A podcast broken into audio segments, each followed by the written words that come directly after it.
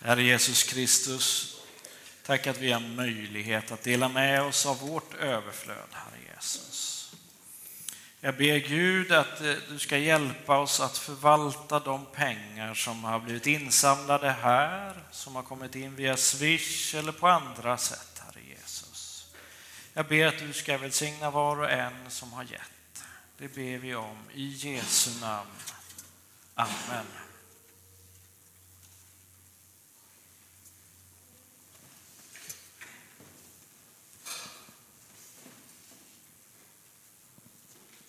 I vägen.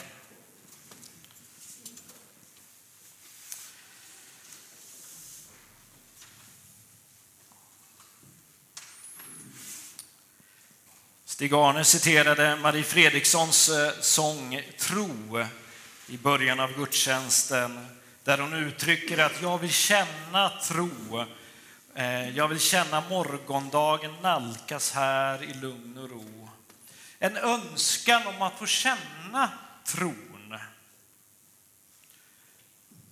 Och jag tror precis som Stig-Arne säger att men det finns ett sökande, en längtan efter någonting, någonting mer att tro på. Och i kontrast till det så vandrade Jesus omkring på jorden och skapade tro i människan. Ett exempel är det, den bibeltext vi ska läsa ifrån Johannes 4, 46 till 54.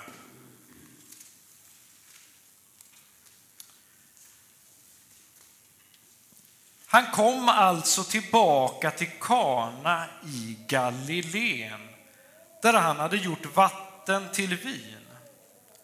En man i kunglig tjänst hade en son som låg sjuk i Kafarnaum. När han fick höra att Jesus hade lämnat Judeen och var i Galileen sökte han upp honom och bad honom komma ner till Kafarnaum och bota hans son som låg för döden. Jesus sa till honom, om ni inte får se tecken under så tror ni inte. Ämbetsmannen sa, Herre, kom innan mitt barn dör. Jesus svarade, gå hem, din son lever. Mannen trodde på vad Jesus sa och gick. När han ännu var på väg möttes hem möttes han av sina tjänare som talade om för honom att pojken levde.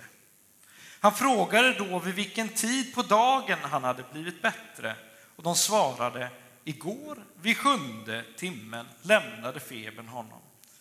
Då förstod fadern att det hade hänt just när, när Jesus sa till honom, din son lever.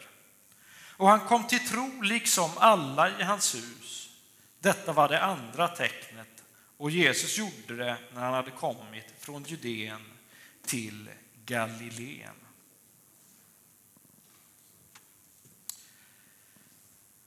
Man kan ju ställa sig frågan, ja, vad ska vi tro om den här bibeltexten? Idag har vi ju väldigt svårt att veta vad som är sanning. Det florerar väldigt mycket på eh, både internet och i olika andra ställen om olika sanningar. Ja, låt oss säga en sån sak. Hur är det med klimatet? Och du får tio svar. Greta pekar vad, på vad ett antal forskare säger och vädjar till oss vuxna att agera. Andra personer pekar på vad andra personer säger och säger att detta är den naturliga gången för naturen. Nu är det varmare och sedan blir det kallare. Och vi står däremellan detta, tappar och undrar eh, vem ska vi tro Vem sanning är sanning och vem sanning är lögn? Eller finns det två sanningar eller finns det minst två lögner? Och fortfarande mitt i detta så säger kyrkoårets rubrik Jesus skapar tro. Blir det dubbelt i det? Eller är det så att det är någonting som saknas för oss idag? Johannes som har skrivit denna del, alltså hela Johannes evangeliet, skriver hela evangeliet för att väcka människors tro på Jesus Kristus. Om kapitel 5, som jag tog eh, texten ifrån i förra söndagens predikan, handlade om Jesu konflikt med de judiska ledarna, en konflikt om vem Jesus är så handlar kapitel 4, alltså kapitlet innan då, om hur Jesus skapar tro i olika människor som han möter. Han möter först kvinnan vid Sykars brunn, där Jesus i samtalet med kvinnan genom ett profetiskt ord om kvinnans liv öppnar henne för en möjlighet att Jesus är Messias. Sen våran text där mannen i kunglig tjänst förtröstar på Jesu ord genom att gå, precis som Jesus sa till honom. Gå hem, din son är frisk. Och går hem i hoppet om att sonen är frisk.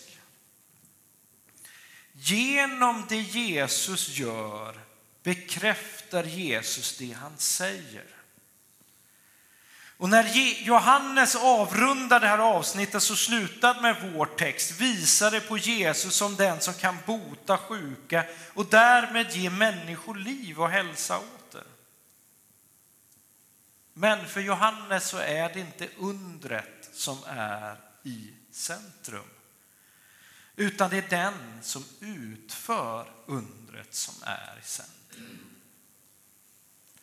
Det Jesus gör är ett tecken som ska väcka och fördjupa vår tro. Ja, det står i Romarbrevet så här att så bygger tron på förkunnelsen och förkunnelsen på Kristi ord.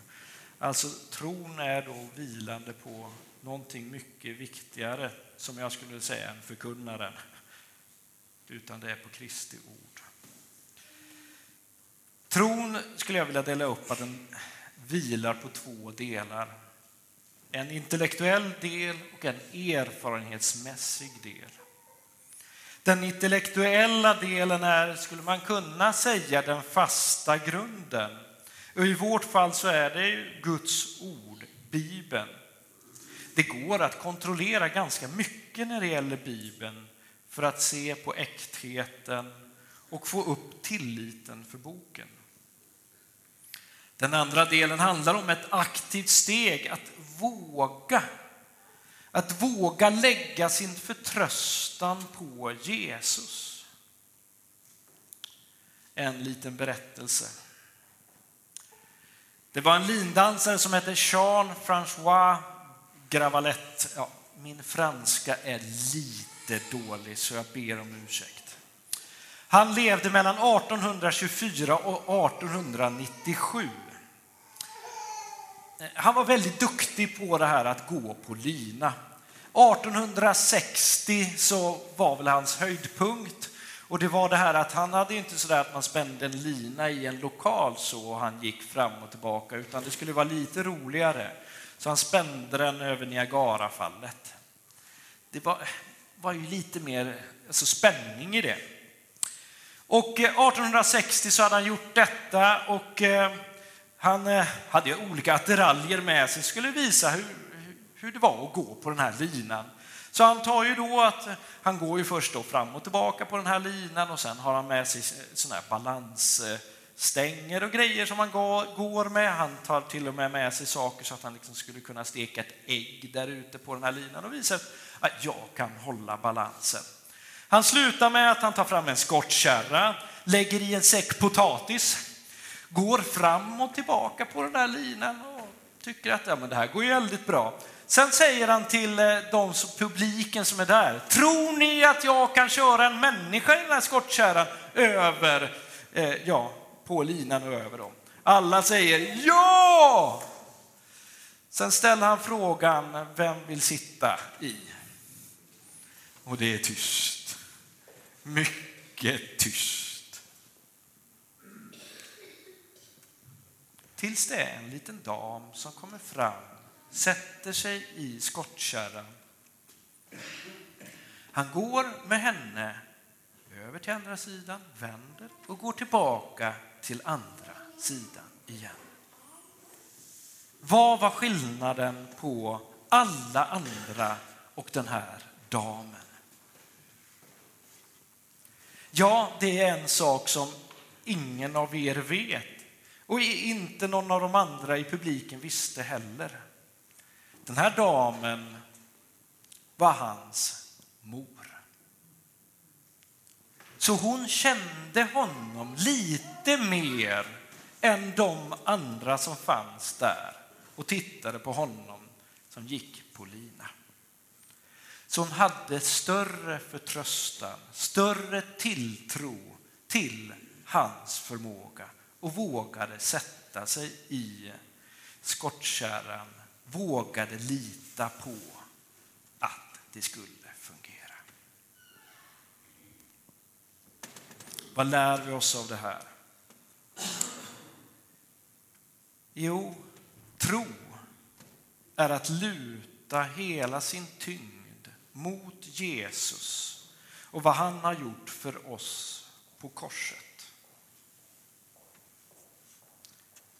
Och var finner jag Jesus idag som skapar tro i mig eller fortsätter skapa tro i mig idag?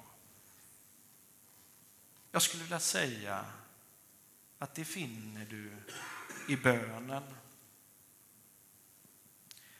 i församlingsgemenskapen, i läsandet av bibelordet. Och ibland så kommer de där gudasända ögonblicken, möten designade av Gud själv. En människa som säger ett ord i rätt tid. Ett tilltal från en människa direkt till dig ifrån Gud. Eller ett under där du tydligt ser Guds ingripande med ett helande och en upprättelse. Och i de lägena så kan vi bara stå där i beundran av Gud i tacksamhet. Och nu där vi är just nu så kan vi bildligt gå ner i skottkärran med alla våra förhoppningar, ja, även faktiskt våra besvikelser. Ja, allt som vi är och låta Jesus ta tag i skottkärrans handtag och köra och låta honom köra oss över de farliga stupen som finns och ta oss fram till fast. Vi ber. Tack Jesus Kristus att du vill vara oss nära. Tack Jesus Kristus vad du har gjort förr. Men jag vill också tacka dig för vad du kommer att göra nu och framåt. Tack att tron får växa i oss på olika sätt. Att du möter oss personligen där vi är. Kör oss till säker mark. Amen.